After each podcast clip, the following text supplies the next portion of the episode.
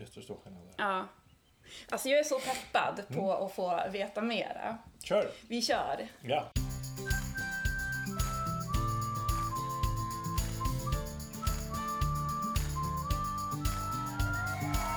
Låt dig smittas av glädje i podcasten som förgyller din dag.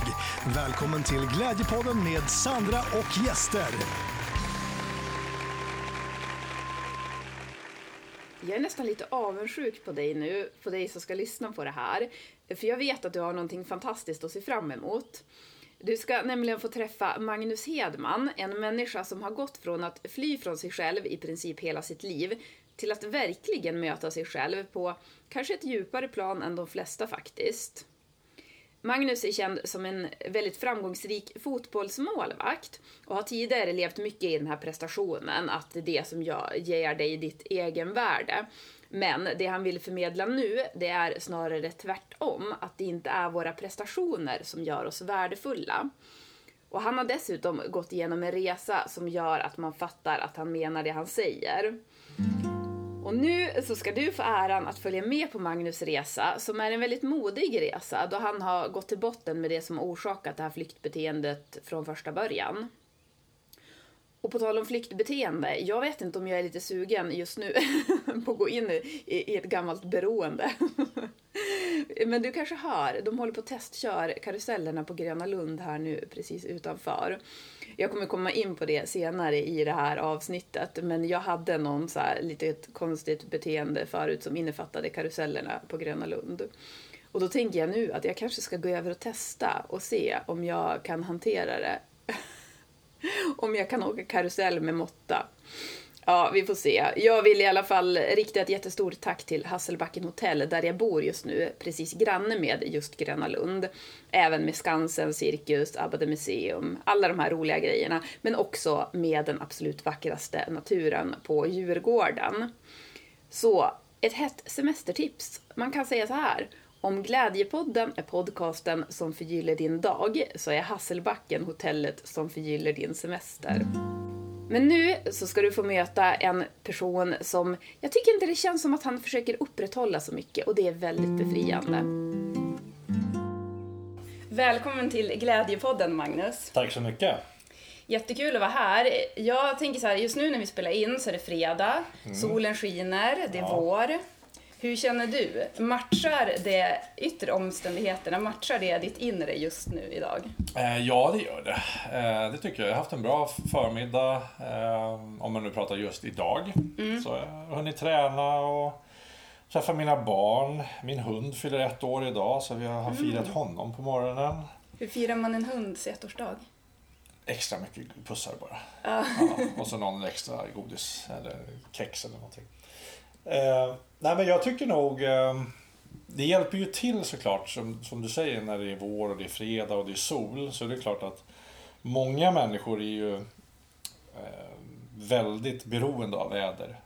Och tyvärr veckodag också. Ja, exakt. Väldigt ja. många som... Det är ju jätteintressant. Ja, det är det. Ehm, Och eh, det där är lite sån här masspsykos tycker jag som vi har i det här landet. Att Frågar jag en person så här, Tja, hur är läget? Ja, du vet, det är ju måndag. Ja. Eh, Tja, hur är läget? Ja, men det är skitbra, det är fredag. Så att, det där har ju blivit en grej, men, men det man inte vet är att det där påverkar ju oss rätt mycket. Vad vi säger till oss själva. Sådana här mindlines som det kallas. Ehm, Men i mitt fall så, så tycker jag att eh, jag har bra balans i livet Ja. just nu. Oavsett regn eller sol. Vad härligt. Mm. För det är ju så att man tänker att det, är ju, det finns ju faktiskt till och med forskning på att det är lättare att vara lycklig när det är ljust ute och Mm. solen skiner och den här årstiden. Det är lite svårare mitt i vintern i Sverige kanske. Mm, Men samtidigt så är det som att det är bara för att det är nu fredag och sol så är inte det själv, en självklarhet att livet är på topp. Nej, för många är det ju inte det Nej. såklart. Ehm, och speciellt i de här tiderna skulle Mm. jag säga. Många som, som liksom dels har blivit av med jobbet. Eh, jag tycker inte det pratas så mycket om de som har blivit av med sina arbeten. Det pratas mycket om de som, får jobba hemifrån. Mm. Men just de som har blivit av med sina jobb då? Vad fan gör de? Ja, Hur mår de? exakt. Eh, för man pratar mycket om oron kring ökad alkoholkonsumtion till exempel på de som sitter hemma och jobbar och som inte får den här utbytet av människor på Mm. daglig basis och sånt där. Eh, Men de här stackarna som har blivit av med sina jobb tycker jag vi inte riktigt har pratat lika mycket om. Mm. Faktiskt. Helt sant. Ja, jag är i alla fall, förutom vädret och att jag är i Stockholm nu, jätteglad, så är jag jätteglad och eh, vara här med dig. Mm. Det bästa jag vet är att bli berörd. Och det har jag verkligen blivit av att lyssna på intervjuer med dig på senaste tiden. För att jag tycker att du är unikt autentisk och eh, det är väldigt befriande att lyssna på någon som är så. Mm. Så därför är jag också jätteglad nu för alla lyssnares skull här på Glädjepodden som ska få inspireras. Kul att du känner så. Ja. Kul att du känner så. Ja. Hur känner du själv kring det? Jag blir glad när du säger så, för det är ju min förhoppning att, att leva eh, ärligt. Ett Mm. liv i, i total ärlighet, vilket är svårt. Ja, ja. Alltså, jag har några deviser sådär som jag försöker leva efter. Att erkänna genast när jag har fel. Eh, Att vara ärlig i alla mina angelägenheter. För det är så viktigt för mig eh, idag. Ehm, jag känner väl de senaste tre, tre åren här, tre och ett halvt åren, så så det jag säger menar jag och det är liksom what you see is what you get. Förut så var Magnus Hedman mycket mer showbusiness. Mm. Eh, hade ofta en baktanke med saker. Eh, gjordes det intervjuer så passade jag alltid på att liksom slänga in någonting för att få en lite större rubrik, lite mer löptext och sådär.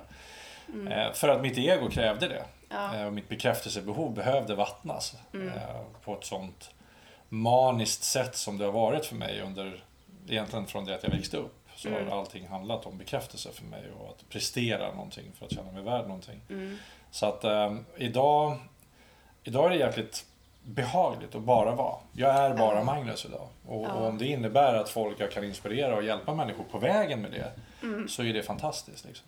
Ja. Så jag behöver inte sitta ehm, och liksom försöka mässa eller försöka ge mig in i, i diskussioner med folk om vem som har rätt och vem som har fel och sådär. Utan jag, jag, jag kör mitt race. Liksom. Men, och Så. det är det som märks och det är det som jag har blivit väldigt berörd utav. Mm, mm. Ja, men det, det, det, det är ju roligt att du säger så, eh, såklart. Jag hade jätteproblem. Jag är ju med i årets upplaga av Superstars i TV. Mm. Och ehm, så här, när jag kom till behandlingshem Mm. så eh, gjorde jag ju det som en väldigt slagen människa. Liksom. Visst, mitt narkotikaberoende var en sak, men alltså hela mitt mående och hela jag som människa var ju på botten. Mm. Eh, verkligen känslomässigt. Och, och det som har hänt sen dess har ju varit att det jag har fått lära mig är ju att liksom, hantera känslor. För egentligen det jag har gjort från tidig ålder är att jag har flytt mina känslor. Mm. Jag har vux- vuxit upp i en dysfunktionell eh, familj, eh, har- har en dysfunktionell uppväxt med, med diverse olika saker som har hänt under min barndom som har gjort att jag har inte fått koda mitt känsloliv. Jag har aldrig fått lära mig hur jag ska liksom, hantera situationer och, eller känslor på något annat sätt än att bara fly. Så jag lärde mig att fly in i andra saker och i mitt fall så blev det idrotten då. då. Men när jag kom till behandlingshemmet för tre och ett halvt år sedan för att bli nykter och jobba med min beroendesjukdom så har jag ju lärt mig att eh, stanna i att kunna ta emot jobbiga känslor. Jag behöver inte sticka och knarka på en jobbig känsla eller fira om det jag nu skulle vara glad till exempel. Utan jag kan vara i det som är. Och en stor del av det handlar ju om självcentrering och själviskhet. Liksom. Eh, Att det har varit roten till mina problem. Mm. Eh, Den har försvunnit eh, successivt eh, när Mm. jag inte vaknar på morgonen och det första liksom, tanken ska vara hur ska jag göra någonting för att det ska uppmärksammas av andra människor idag. Har det varit din första tanke förut? Omedveten första tanke har det Ja. definitivt, alltså hela livet för mig har gått ut på att kämpa för att få någonting. Mm. Eh, prestera, visa mig på styva linan. Varför jag har pratat så mycket och alltid velat vara högst upp i hierarkin är ju för att jag inte har behövt prata så mycket om mina känslor då. Inte behövt visa mig så svag. Där har jag hela tiden fått kämpa för att vara på toppen hela tiden. Så det har varit en perfekt flykt. Mm. Men i det här fallet nu, nu, nu vaknar jag, okej hur blir min dag idag? Jag mediterar på morgonen, jag går igenom min dag. Och det finns ingenting, det är klart att jag måste prestera när jag jobbar, för det är ju någonting jag gör. Då blir det ju en prestation. Liksom. Mm. Men det är, inte, det är inte så jäkla viktigt för mig det här vinna eller förlora och sånt där. Och det har gett mig en helt annan dimension i livet. Så när jag kom till Superstars eh, förra sommaren för inspelning så hade jag jättesvårt att börja tävla. Super, super svårt att börja tävla. Intressant. Den där tävlings-Magnus, tävlingsmänniskan, vinnarinstinkten, den fanns inte. Nej. Så jag fick kämpa jättemycket första dagarna med liksom mig själv. Och, och sen, sen kom jag fram till att ha kul, gör så gott du kan. Och så kom jag ändå på en bra placering, jag kom på fjärde plats. Så att, eh, det är ju bra ändå. Men, men det som hände efter, det är det jag tänkte ta och prata om liksom, lite kort nu. För under tiden under Superstars så blev jag mer och mer den här tävlingspersonen igen. Eh, För det var ju tävlingar nästan varje dag. Det var kameror på, tv-kameror hela tiden. Det var det intervjuer och det ena med det tredje. Så att jag gick liksom sakta men säkert tillbaka till den här personen som jag inte mår så bra av att vara. Och som, där mitt liv inte funkar. Så när jag kom hem från Superstar så hade jag jätteproblem. Alltså, eh, eller jätteproblem. Jag mådde inte bra. Och jag kunde inte landa i den personen som jag var innan Superstars. För att det var så otroligt stor skillnad på, på det livet som jag levde där. Men jag tänker så här. Om man tänker att, för jag har lyssnat på dig tidigare och då har du sagt att fotbollen var som ett beroende för dig då. Och sen så har du ju haft, vi kan gå in lite mer på det sen då, om det är någon som lyssnar som inte har full koll på dig. Men eh, sen så började du med droger när du slutade med fotbollen.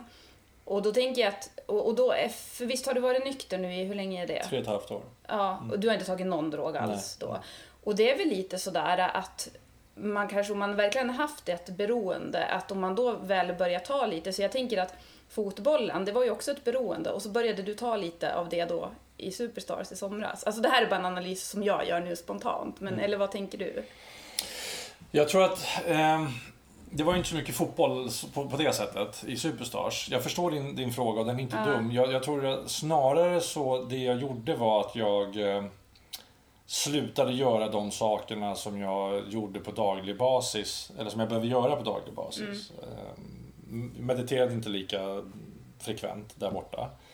Eh, jag fick den här tillbaka det här med att jag måste vinna. Alltså den delen i mig. Så det var ju lite som en kamp där och det var därför det var så jobbigt i början också. Eh, kampen i att prestera men ändå göra det utan att ta ut liksom, maximalt mentalt. Skitsvårt. Jätte, jättesvårt var det. Ja, jag förstår din tanke och ehm, jag vet inte om det eh, utan jag skulle snarare säga att det så här när man tar återfall till exempel. Man får inte återfall, man tar återfall. För det är ingen annan som häller kokain i näsan på mig. Liksom. Man Nej. tar ju återfall. De brukar ju oftast eh, vara väldigt välplanerade utan att man vet det själv. Ehm, I det här fallet så risk, låg jag ju i en riskzon när jag började göda mitt ego igen. När Just jag det. började göda mitt bekräftelsebehov igen. Då ger jag mig ut på ett farligt vatten. Liksom. Inte kanske för att ta kokain eller droger eller, eller, alkohol. Men för att börja må sämre. Och när jag börjar må sämre, låter jag det gå tillräckligt långt, ja då kommer återfallet som ett brev på posten. För det är så det funkar. Liksom. Ja, Så snarare så att jag skulle säga att mitt ego började gödas för mycket. Igen. Det blev jag som blev i centrum. På ett sätt som jag inte riktigt eh, behärskar. Faktiskt. Och inte mår bra idag. nej. Så det skulle jag säga var stora grejen där. Men du hade fotbollen som ett beroende när du, för att fly från dina känslor, visst var det så? Jag flyr hela, flyr hela min verklighet egentligen. Ja. Mm. blev ju idrotten, framförallt fotbollen då. då. Men det visste jag ju inte när jag spelade. Nej. Eh, då tyckte jag det var fantastiskt. Ja. Men, men det kunde vara, bara för att förklara för de som inte riktigt förstår, så, så till exempel när min mamma, när jag fick reda på att hon hade Alzheimers, Mm. så var jag så här, nej men det där fixar doktorerna, det där fixar läkarna, de, de kan det där, det där fixar de. Och så snabbt in i omklädningsrummet eh, och så bara hopp, försvann det. Och det var så många gånger under mitt liv eh, när jag spelade fotboll, när saker och ting hände. Det kunde vara att jag hade problem med någon tjej eller det var någon som var dum. Eller, du vet.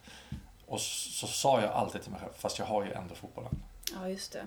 Jag har ju ändå fotbollen. Så det blev ju min, liksom, min lifesaver. Det, jag var ju fotbollsspelaren Magnus, jag var inte människan Magnus. Utan Det Ja. var ju fotbollsspelaren, identifierade mig ju totalt med det. Men när jag slutade med fotbollen, som du sa, när jag började ta droger. Där slutade jag ju med ett beroende. Och började med ett annat. Men hur snabbt efter att du hade slutat med fotbollen så började du med droger? Det var bara några månader. Ja. Var det. Och jag tycker inte att det är konstigt. Jag tycker att det är så här, vad skulle du annars ha gjort lite? Alltså, inte för, men, men jag tänker att ibland så, jag tror att vi är lite för hårt dömande både mot oss själva och mot andra. För att du hade ju en ganska jobbig barndom som jag har förstått det. Du har fått upp minnen också som du hade, att du blev sexuellt utnyttjad bland annat. Och det, visst hade du förträngt det tills du var vuxen? Jag förträngde det tills jag var på behandlingshemmet. Steg fem i det här 12-stegsprogrammet som man jobbar i för tillfrisknande då, i beroende. Så steg fem, där gör man sin life story. Man berättar sin livshistoria med alla sina fel och brister.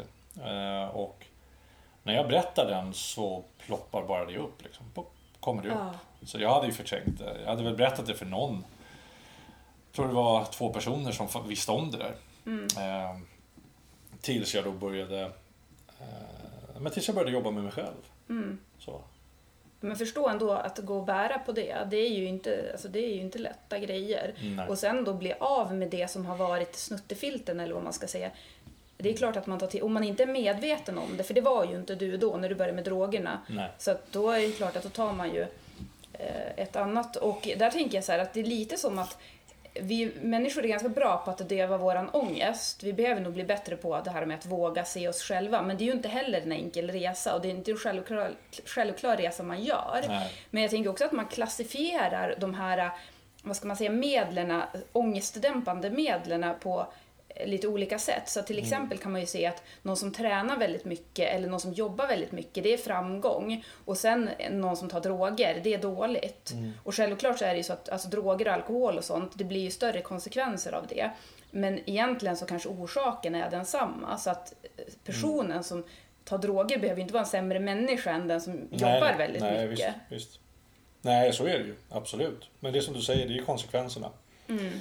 Eh, dels konsekvenserna av de yttre faktorerna men också konsekvenserna av vad som händer med din hälsa och din mentala status. Mm. Såklart. Eh, det är intressant. Eh, det finns väldigt många olika beroenden. Ja. Gör det. Ja, verkligen. Och det är bara såna små grejer. Alltså, vet du, jag kom faktiskt på en, ett jätte, en jättesjukt ångestdämpande grej jag höll på med. För, ett alltså, för jag var sådär när jag flyttade hemifrån. Då jobbade jag väldigt mycket för då hade jag massa grejer inom mig som jag inte hade bearbetat. Så att jag var ju så här, jag hade heltidsjobb massa extra jobb och sådana där saker. Så att, Och jag har också haft lite, jag har inte lätt med, med alkohol. Eller jag har haft det ganska länge att jag är begränsad, inte så här total, vad heter det, tot, absolutist. Utan, Men jag måste begränsa mig för jag kan inte hantera det. Men det jag ska komma till i alla fall var att jag kom på det att det var en sommar när jag bodde här i Stockholm. Då hade jag köpt så här äh, guldkort på Gröna Lund. Och, och, och så får jag dit och så satt jag i den här, vet du vilken det är, den här karusellen som bara åker runt, runt. Det är typ som virvelvinden. Ja, jag, jag har sett den. Jag åker den inte, men jag har sett den. Ja. Jag satte mig och åkte i den och så åkte jag om, om och om igen. Jag kunde hålla på i flera timmar för att när jag väl satt där och det snurrade som värst, då var det som stilla i mig. Så det var någon form av meditation för mig att sitta i. Det var jättehög musik och det bara snurrade. Så Ja. att, Koppla bort ja. ja, Mm, tänka på annat. exakt. Och jag tänker att ibland så kanske det, vi behöver de här eh, fly från verkligheten för att vi ska överleva. För ibland är ju livet väldigt tufft. Men det är nog viktigt att vara medveten om det i så fall. Ja, och jag tror så här att alltså vissa människor klarar ju av eh, situationer mer skonsamt än andra. Så. Eh, men jag, jag, jag, återigen, det är någonting som jag liksom verkligen försöker att pränta in i folk i att vi, vi har oftast inte alla lösningar själva. Eh, och när jag pratar då om att jag tycker att det är viktigt att be om hjälp så kan man ju, alltså, för då är det många så här som, som säger, men vart ska man vända sig? Eh, Hur ska jag be om hjälp? Och det är skamfyllt att be någon om hjälp om man mår dåligt eller om man har problem med ett beroende eller någonting. Det är ju det, det, är det värsta som finns, att, att liksom outa sig på det sättet.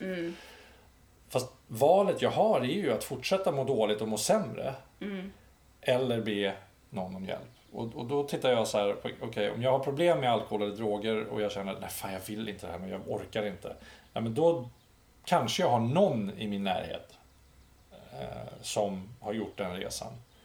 Eller så får jag, Google är ju fantastiskt på det sättet. Det är bara att googla. Det är rätt lätt att bli vägledd till rätt eh, ställen idag. Det finns jättemycket självhjälpsgrupper om vi nu pratar beroende. Så. Du har ju eh, eh, digitala psykologer och sådana här saker som finns idag. Stora företag, Mindler och alla de här som, som finns. Som man kan liksom, där man inte behöver gå fysiskt dit. Ja, just det. Eh, som också jag tror är en, en bra liksom, barriärbrytare. För det, det, är, det är någonstans till syvende och sist så är det så att vi, vi, vi våran karta tror vi oftast är verkligheten. Alltså som jag ser världen, det är så den är. Ehm, Och det, den blir rätt smal till slut. Och om inte jag... För om jag, om jag vill lära mig hantera ångest eller bli bättre på det eller bli, växa i mitt yrke eller min, mitt privatliv eller vad det än är för någonting så, så sitter inte jag på alla nycklar själv. Så är det bara. Och den, ju tidigare jag inser det, desto större chans har jag ju att börja må bättre. Ja. Hur insåg du att du behövde hjälp? Nej men alltså jag insåg nog inte det utan det var nog bara, det var liksom ett, ett, ett, hjälp, ett rop på hjälp för att jag skulle överleva. Så att det var nog inte en sån här insikt utan det var, det var liksom en handling, en, en, en överlevnadsgrej som jag gjorde för jag var så långt ner i skiten. Eh, må, måendemässigt i mitt beroende och liksom måendet. Så jag ringde ju en kompis, Mia Törnblom, jag vet inte om du vet om det är. Jag ringde henne och sa att jag är fucked, alltså jag, jag klarar inte det här längre. Jag har försökt allt. Allt. Eh, Men jag fastnade och åker tillbaka till kokainet och Dagen innan hade jag ju nästan hoppat från balkongen på åttonde våningen. Det var ju jätte, jättenära. Så när jag vaknade där och den ångesten jag hade då eh, så eh, var det första gången och då var jag liksom 45 år gammal. När jag verkligen bad om hjälp för första gången. Det där när att du höll på att hoppa från balkongen, var det planerat eller hade du haft sådana tankar? Jag har haft sen egentligen sen typ ett halvår in i mitt... Jag tog ju min första drog 2007 på sensommaren. Och eh, från 2008, skulle jag, våren 2008 skulle jag säga att de tankarna har gått igenom mitt huvud många, många gånger. Alltså. Eh, men så när jag tänkte på barn så var det väl, jag, jag, var nog lite bang. Jag var, var jag tänkte nog tanken för att jag ville känna att jag hade en utväg. Om jag verkligen behövde, när det var som mörkast. Men den här kvällen så var det helt tvärtom. Det var någonting som drog mig ut till balkongen. Åtta våningar upp. Och jag ville inte ut. Nej. Eh, Och jag ville framförallt in när jag var där ute och satt på balkongräcket. Men när jag tittade ner på asfalten så mådde jag bra. Då fick jag en behaglig känsla i kroppen. Vilket gjorde mig ännu mer rädd. Och jag vet inte hur länge jag var där ute. Men, och jag ville in men någonting höll mig kvar. Och du vet, det var en kamp. Det var, så det var som en kamp mellan djävulen och Gud. Ja. Där ute på balkongen. Alltså. Vad var det som gjorde att du stannade kvar då? Jag, skulle, jag kallar det för att det var någon där uppe, min högre makt, som, som eh, vann och tog mig in. Liksom, hjälpte mig in. Jag har ingen annan förklaring på, på just den. Eh. Men då är man rätt, eller då var jag rätt, eller jag var skitskraj efter det. Eh, och, och fattade ju att shit, det här håller ju på, det håller på att döda mig. Eh, och då, då bad jag om hjälp. Jag vill också poängtera det här med botten, för man brukar oftast prata när det kommer till beroende människor att ja, de måste slå i botten. Och jag tycker att det är ett livsfarligt uttryck att använda. För att om jag är beroende och jag mår dåligt och jag har hört att ja, man måste slå i botten så kommer jag att tänka att fan, nej det här är nog inte min botten. Så jag kör på lite till. Och ofta så dör ju de människorna, tyvärr. För de letar ju sin botten för att få fortsätta dricka eller droga eller vad de gör. Liksom. Så det tycker jag är farligt det där med att använda sig av botten. Egentligen så handlar det ju om när mitt liv är så kört eh, där det inte funkar med droger eller utan droger i mitt fall. Då. Eh, Jag vill, bara vill dö liksom. Det var ju min bo- botten. Eh, Känslomässiga botten. Men fysiologiskt, alltså fysiskt, så hade jag ju kunnat säkert fortsatt några år till och tagit droger.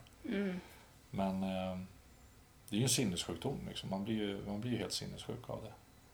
Tänk, under tiden när du höll på med droger, tänkte du då att men, det här är inget bra? Eller var det som att du bara... Alltså, var det som att du bortförklarade det för dig själv? Att jag inte har vetat att det är bra, har ju- så har det ju varit hela tiden såklart. Men det handlar ju mer om alltså beroendesjukdom, jag kan berätta den bara kort, eh, liksom Mm. vad den innehåller för delar. Den ena, den ena delen är en mental besatthet. Mm. Och den mentala besattheten eh, är så kraftig, den är så stark, så att jag kan inte besegra den själv. Eh, när jag får tanken på nästa rus, eh, säg att jag sitter på jobbet och jag börjar tänka på eh, att jag ska ta en lina, säger vi, eller ett glas. Det, det kan få mig att bara gå från jobbet. Det kan få mig att skita i att hämta barnen. Det kan få mig att skita i möten, köra på fyllan, alltså whatever, bara jag får nästa rus. Det gör också att jag hamnar i en, eh, en värld som jag skapar som handlar bara egentligen om lögner. Jag ljuger om allt. Om jag står på Coop och du frågar mig vad jag är så säger jag att jag står på ICA för att jag är så förljugen i allting. Allt, Ja. jag, allt min, mitt liv går ut på är att ljuga så att jag ska kunna fortsätta droga eller dricka eller vad det nu är för någonting. Så det är den ena delen, mentala besattheten. Och den är kraftfull. Sen har du en fysisk allergi som vi kallar det. Ehm, och det är ett merbegär. Så att om jag ska gå ut och dricka två öl så vet inte jag om det slutar vid två öl. Det kan sluta vid 22 öl. Det kan sluta vid 22 dagars drickande. Eh, För mitt merbegär när jag har fått första ölen är att jag bara vill bara ha mer, mer, mer, mer, mer. Och den kraften är också någonting som jag inte kan hantera själv på egen hand. Jag klarar inte av det, hur gärna jag än vill. Och hur många gånger jag än har sagt att jag ska bara ta två öl, sen ska jag gå hem. Och så har det blivit 22 liksom. Sen pratar man om att det är en själslig brist. Det står inte om den i Anonyma Alkoholisters bok, men den själsliga bristen, eh, alltså att vi eh, eh, brist på kraft i vårt dilemma. Eh, och att vi är väldigt, liksom, eh, och det handlar ju mycket om vår självkänsla egentligen. Men de två första delarna som jag pratar om, det, det, är, det är beroendesjukdomen och den är progressiv, vilket gör att den blir bara värre och värre. Och den är kronisk. Jag blir aldrig frisk ifrån den, men jag kan tillfriskna och få ett fantastiskt liv.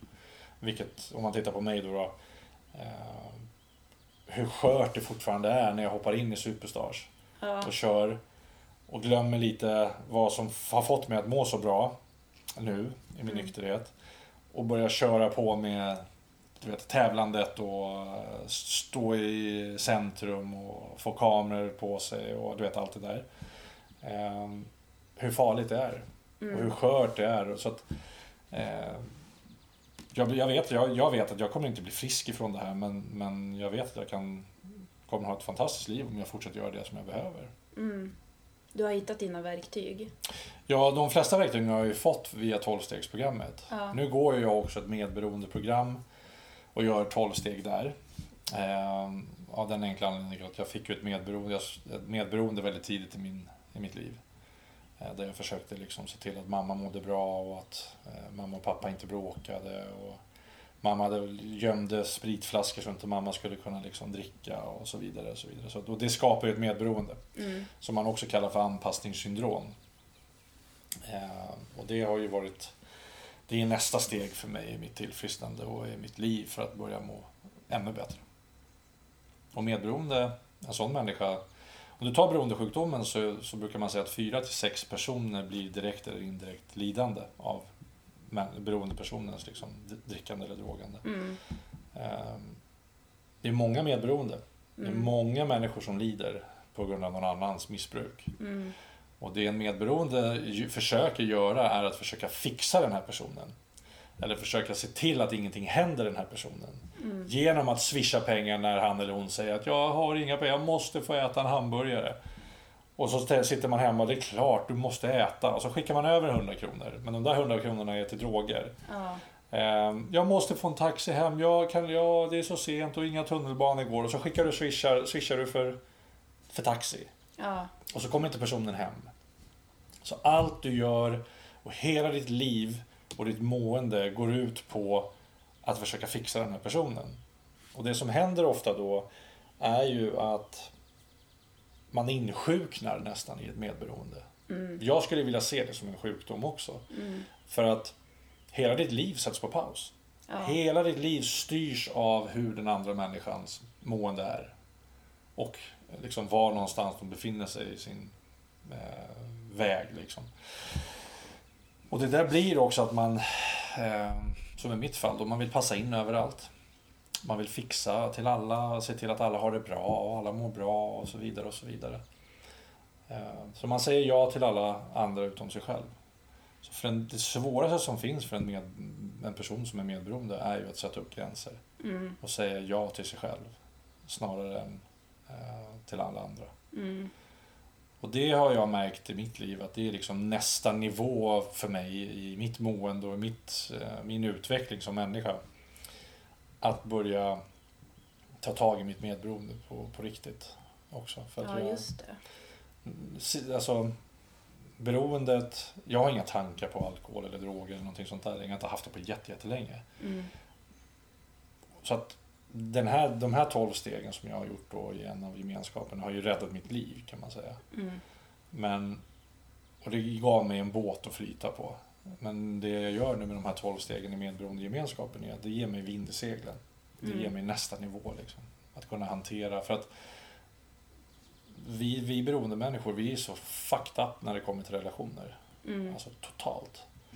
Och jag skulle vilja bli en mycket bättre människa på relationer. Eh, Min nästa kärleksrelation, som jag förhoppningsvis kommer att ha någon gång i mitt liv, Mm. vill jag ju vara en ännu bättre eh, man. Mm. Eh, Ännu bättre medmänniska liksom.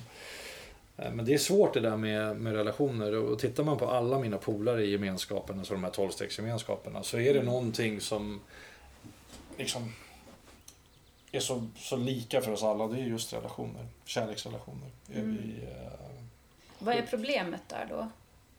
I relationerna. Ja, alltså vad är det som har varit det största?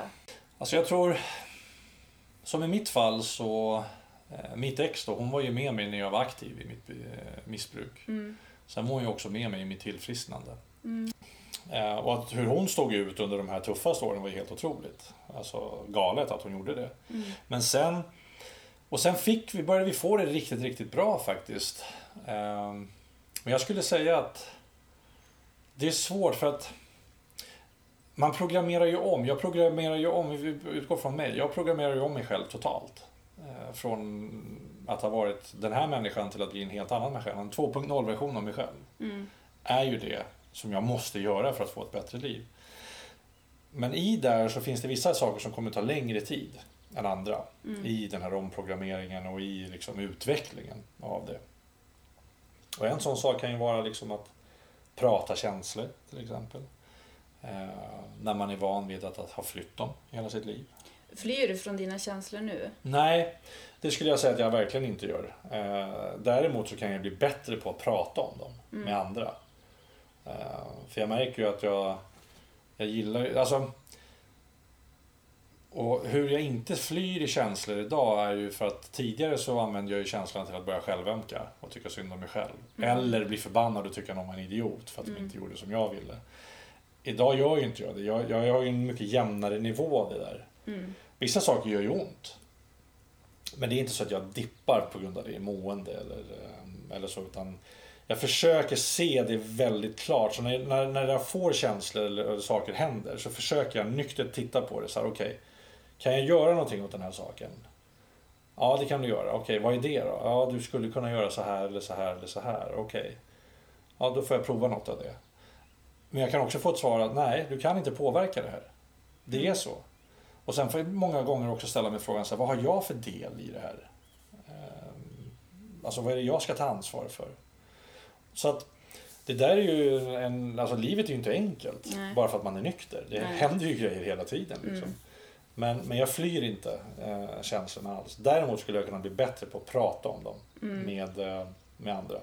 För det är väl någonting jag känner nu sista åren, så att, eller sista året framförallt, att jag har hjälpt väldigt mycket människor. Mm. Eh, dels med podden och mitt, min Instagram och eh, på möten och jag hjälper många människor i tillfrisknande och sånt där och det tycker jag är jättefint. Mm, och jag kör tolvstegsprogrammen både i eh, beroende och medberoende men jag kanske behöver också så lite nästa nivå att ha någon att kunna bolla mer saker med. Men det handlar egentligen inte om någonting annat än att jag ska lyfta upp luren. Mm. Jag har personerna, det är bara att ansvaret ligger hos mig. Mm. Så det är så lätt att hamna i sånt där eh, hjul av eh, eh, en viss typ av liv som man ham- liksom min vardag Mm. blir så på något sätt. Mm. Så att svaret blev ett långt svar men jag, nej jag tycker inte att jag flyr känslorna. Det tycker jag inte. Jag lyssnade på ett avsnitt när din äldsta son var med i eran podd. Vi kan ju säga det också till dig som lyssnar, att vill ni höra mer om Magnus och om beroende så en, en beroendepodd, visst är det så den heter? Hedman och Hedén, en beroendepodd heter Ja, den. superbra. Jätteintressant. Oavsett om man har beroende eller inte. Eller, alla känner ju säkert någon ändå. Så att, nej, jätteintressant. Men då var det i alla fall ett avsnitt med din, Nas. en av dina söner då, Mm, precis. Det. Och eh, det jag tänkte på när jag lyssnade på det avsnittet, det var... Jag, jag tänkte så här, men lycko han som har en så fin pappa. Mm. För att det känns ju som om man kommer till det här med relationer så känns det ju som att du har en väldigt fin relation med dina barn. Mm. Du gör det absolut vikt, viktigaste du kan göra och det är att du tar ansvar och låter dem känna precis som de vill känna. Det är så jag uppfattar Mm, det. Vad säger du själv om det? Jo men så är det verkligen. Eh, Jag har en, en magisk relation med Lans och Tristan idag. Mm. Eh, Det har jag. De kan komma till mig med vad som helst. Mm. Eh, De gör sina bus och har gjort sina bus. Eh, Mm. De kan berätta vad, vad som helst och jag dömer dem aldrig. Mm. Jag behöver inte vara där liksom med pekpinnar och mm, du vet så. De vet vad de har mig. De, de, vet, de vet min bakgrund. De är trygga idag märker jag. För i början av min nykterhet så, så var det ofta de liksom kollade i ögonen och så här, vad har du gjort, vad har du varit, kollade i medicinskåpet efter tabletter och sådana grejer. Ja. Idag finns ju inte det. Idag är de, de är ju trygga i min nykterhet, det märker jag ju. Ehm, De är trygga i att jag kan vara ensam. Visst, jag har Titus, våran hund, men, men tidigare så var de också så här, men ska du vara helt ensam? Men det är synd om dig, ska du vara, vara själv? Liksom. På den tiden visste inte de att jag älskade ju att vara själv, för då kunde jag ju sitta själv med drogerna. Liksom. Men, men, så det är de inte oroliga över idag. Och det tycker jag, eh, det är fint och att, att för mig så är att vara en bra förälder är att vara liksom närvarande. Att vara icke-dömande Mm. när, när de kommer med sina problem och så. Ehm, och liksom bygga deras värde som människa. Alltså inte bara berömma dem för vad de gör hela tiden utan förklara, berätta hur mycket man älskar dem och hur fina de är. Den delen tycker jag är super, superviktig. Speciellt i samhället som vi har idag med alla sociala medier och, och, och allting. Det är så mycket yta hela tiden. Och yta eh, är så långt ifrån självkänsla man kan tänka sig. Och sen kan inte folk skilja fortfarande på självkänsla och självförtroende. Nej. Jag Alltså det, eh, självkänsla är ju, det är ju mitt egenvärde. mm, My worth given. Alltså Mm. mitt värde som jag har. ja. Om jag säger att min, jag har låg självkänsla. Då är den liksom conditional. Då har jag satt liksom en condition, vad heter det på svenska? Jag menar alltså en nivå. Jag, jag har liksom eh, tillåtit eh, mitt egenvärde Mm, att gå upp och gå ner. mm, Men det, det ska egentligen inte göra det, för mitt egenvärde kommer vara detsamma oavsett om jag är duktig på att spela fotboll eller inte. Oavsett om jag jobbar som fönsterputsare eller VD för ett börsbolag så är mitt egenvärde, mitt mänskliga värde exakt samma. mm, Men så funkar inte vi människor, för att vi slår ihop det vi gör med de vi är. mm, Och då blir det så här att vårt resultat och vår bekräftelse som vi får utifrån det kommer dra oss med, alltså dra med vårt värde också som människor. mm. Jag har vissa som säger så här, "Ah, mitt själv, min, min självkänsla den har, den har ökat så jäkla mycket. Det har varit kul. Vad har du gjort då? Nej, men jag har börjat träna. Ja, Okej. På vilket sätt har du blivit mer värd nu när du har börjat träna? Ja, jag har gått ner fyra kilo. Ja, men det, du hör. Allt, så att vi lägger så mycket i det vi gör, i vårt värde. Liksom. Och det är någonting som jag försöker jobba jättemycket med mina barn. Och det är verkligen ett tips jag har till alla som har barn och er själva. Att försök att liksom skilja på person och prestation. För det skulle jag säga kan vara avgörande över hur en människa kommer att må när de blir äldre. Men om man tar ett exempel där, om Mm. vi säger att du hade växt upp i en kärleksfull familj och du hade varit intresserad av fotboll och så hade du blivit fotbollsproffs. Mm. Och sen så hade du, eh, det hade varit fantastiskt och sen så hade du slutat med fotbollen och, då, och du hade haft den där självkänslan, ja men då kanske du hade gått vidare, varit expertkommentator på TV4 och det hade varit jättebra och du hade varit nöjd med det, du kanske hade varit fotbollstränare eller jobbat med någonting helt annat och gått vidare med livet. Kanske hade det varit lite tufft, men det hade liksom inte varit som att hela din värld hade raserats. Så det du har fått göra, det är ju ändå väldigt storsint, för du har ju behövt ta ett ansvar som vuxna människor egentligen skulle ha behövt ta mot dig när du var liten. Du har ju behövt ta hand om ditt lilla barn nu. Mm. Och det är också väldigt eh, stort, för det gör ju att du nu, all cred till dig med dina barn, för det att vara en sån förälder som är så icke-dömande och så som du beskriver det, det är nog ganska ovanligt än om man nu har ju du haft det väldigt tufft, men jag tänker att om man är en så vanlig, Mm. om man ska säga sådär, jag tror att det är ganska ovanligt. Jo, jag tror också att det är ovanligt och, och det var ju det för mig också tills för några år sedan. Mm. Eh, när man vill att barnen ska göra allting perfekt. Mm. Eh, för man oroar sig som förälder också eh, när de, när de liksom gör dumma grejer. Eh, och sen eh, en annan viktig grej som förälder är att man inte ska ta saker personligt. Mm. Det är någonting som jag verkligen har lärt mig att om min till exempel, jag vet att min tonåring Tristan, jag vet att han kommer vara sur när jag väcker honom. Han är det varenda morgon. Mm. Ska jag ta åt mig av det personligen då? Det är ju så korkat. Snacka om att ge mig själv en dålig start på dagen. Liksom. Mm. Ja, då, då handlar det ju faktiskt för mig som förälder om att hitta ett sätt att väcka honom som gör att det funkar. Så att han får en bra start på dagen och så att jag slipper få massa skit. Liksom. Mm. Så att jag har hittat mitt sätt. Jag, jag börjar inte med att gå in och säga God morgon Tristan, nu är det dags att gå upp. Jag- säger God morgon Tristan, ska du sova fem minuter till? Då vet jag. Han säger ja. Underbart, Ja vilken men, taktik. ja, men då vet jag. Då säger han det. Ja, ja säger han. Ja, så vet han det. Och sen kommer jag in och, och det här är nästan varje morgon. Så säger jag, älskling, nu har det gått fem minuter. Omöjligt pappa, kan jag få fem minuter till? Han säger alltid att det är omöjligt. och då får han sina fem minuter. För jag har ju, liksom, jag har ju tajmat det här. Jag har ju Du väcker planerat. honom då en kvart tidigare. Ja, jag har ju planerat med det här. Och sen eh, nästa gång då. Då säger jag, nu har du fått sova 10 minuter extra. För det är ju det. Men för honom låter ju det mycket mer än fem. Mm. Och då börjar han så här, ja och nu kommer Titus. Och då kommer hunden och hoppar på honom och sådär. Mm. Det blir skitbra morgon. Ja. Hade jag däremot när han första gången sa sluta gå ut ur rummet eller något så här stick. Eh, och jag tar åt mig av det. Mm. Då säger du pratar inte sådär till mig. Och han ligger fortfarande och halvsover. Mm. Ja, då är, då är liksom den morgonen är förstörd. Ja. Så att, att inte ta saker personligt. Mm. Och det handlar inte om... För som du, eh, som du sa där, eh, jag tror inte, jag tror, mina föräldrar gjorde så gott de kunde. med Men det gör nog alla fick, föräldrar, Ja, och jag fick jag. mycket kärlek och sådär. Men, men jag bodde ju mest hos min mamma. De skildes ju när jag var fyra. Mm. Eh, mamma var ju inte kapabel till mer. Mm. Och eh, det är lite skrämmande tycker jag rätt ofta när man tittar på man har lämnat barn i skola, dagis och sådär. Hur, hur lite närhet, alltså jag var ju så, jag pussar ju på mina killar liksom. Nu, nu är de så gamla. Mm. Men jag- absolut kramar och sådär.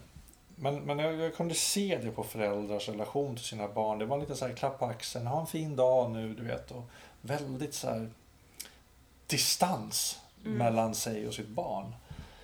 Och det... Jag tror mycket man måste ha den här närheten, man måste släppa in dem, och de måste få känna trygghet. Mm. Eh, Och ett barn kommer aldrig att känna sig trygg med att berätta någonting för sin förälder om jag får skit. Det Mm. första jag får. Mm.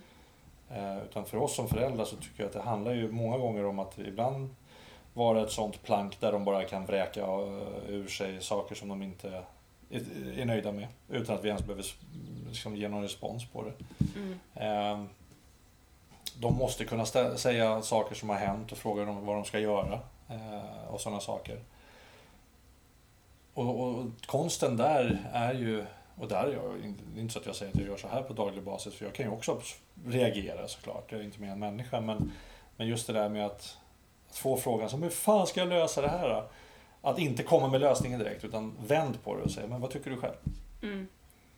Börja liksom låta barnen känna att de är med och tar beslut. Mm. Eh, så, genom att egentligen bara vända på en fråga. Ja.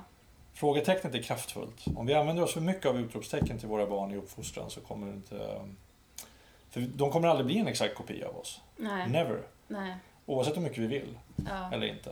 Eh, Men frågetecknet, eh, det öppnar upp för diskussion och det öppnar upp för reflektion. Så att använd frågetecken med utropstecken skulle jag säga. Det här är ju fantastiskt. Mm. Ge föräldratips också. Ja. Det får bli din nästa podd. Ja, då precis. alltså, en poddsatsning. Ja. Men vad skulle du vilja säga nu sammanfattningsvis det vi har pratat om idag? Vad skulle du vilja, om du ska skicka med lyssnaren någonting? Men jag tror att utifrån allt som vi har pratat om idag så, så tror jag att det kokar ner till en sak. Eh, och det är mig själv. Eh, alltså oavsett vad som händer utanför mig i livet. Oavsett vad mina barn gör, vad mina polare gör, vad min eh, partner gör, vad mina föräldrar gör. Whatever. Så är, har jag ett ansvar i hur jag eh, reagerar på det här. Eh, och om det är så att jag känner att jag liksom inte är på en plats i livet som jag vill vara så, så kommer jag behöva be om hjälp. Mm. Och det är det jag liksom kommer till. Att ensam är inte starkast. Mm. Fantastiskt. Och du hjälper människor nu, eller hur? Ja, det gör jag ju. Jag, jag, eh, dels så jobbar, eller hjälper jag ju folk genom sina eh, alltså, beroenden och sånt. Mm. Eh, sen börjar jag ju nu igen med, eh, jag har ju rätt mycket utbildningar i beteendevetenskap Mm. som jag har lyckats ta genom åren och, och de håller jag på att fräscha upp. Så jag kommer börja jobba både med, framförallt med företag, eh, både på individuell basis och grupp, teambasis eh, i coaching. Mm. Eh, Och det ser jag verkligen fram emot. För jag tror Mm. att jag kommer vara en mycket bättre coach idag. Eh, nykter och med allt det jag har gått igenom än, än som det var tidigare. Så att ja, jag kommer att eh, coacha rätt mycket framöver faktiskt. Och du har det viktigaste. Du har en fantastisk närvaro. Mm. Och det är det tänker jag är mycket mer värt än alla dina utbildningar. De är alla ära, men jag tror att det kommer bli jättebra. Ja, för det handlar ju om ett genuint intresse och, och, Mm. och att inte liksom... Coaching handlar egentligen om facilitating change. Eh, och eh, det är så många som pratar om att man har ett coachande ledarskap och sådär. Eh, men men en riktig coaching session handlar inte om att jag berättar för dig hur det ska vara. Utan jag hjälper dig att hitta de svaren med rätt frågor. Mm. Eh, och då behöver man ju vara intresserad av andra människor. Mm. Eh, och inte sitta där för sin egna skull bara. Så att, ja, men jag, jag, jag ser jättemycket fram emot det faktiskt. Tur du inte coachade när du var 20 då. Ja, det, det var nog jäkla tur. Inte för att vara taskig, även, men även alltså. 40 ska jag säga. Ja, okej. ja. Nej, men vet du vad? Jag har ju den frågan som jag är mest intresserad av att veta om dig, den har jag kvar. Mhm. Men det tar vi i nästa avsnitt. Okej. Så att det blir en liten härlig cliffhanger nu för dig som lyssnar också. Mm. Och för dig också. Ja, verkligen. Ja. Har du någonting du vill tillägga innan vi säger tack och hej för det? Nej, bara att alla som har lyssnat ska ha en fantastisk dag. Ja. Eller kväll. Och så lägger vi dina kontaktuppgifter. Har du någon hemsida eller hur vill du bli kontaktad? Nej, den är inte öppen än. Utan det, det, är väl, det bästa är väl via eh, Instagram skulle jag säga just nu faktiskt. Ja. Eh, tills allt annat sitter upp. Ja, följ Magnus på Instagram. Ja. Ja.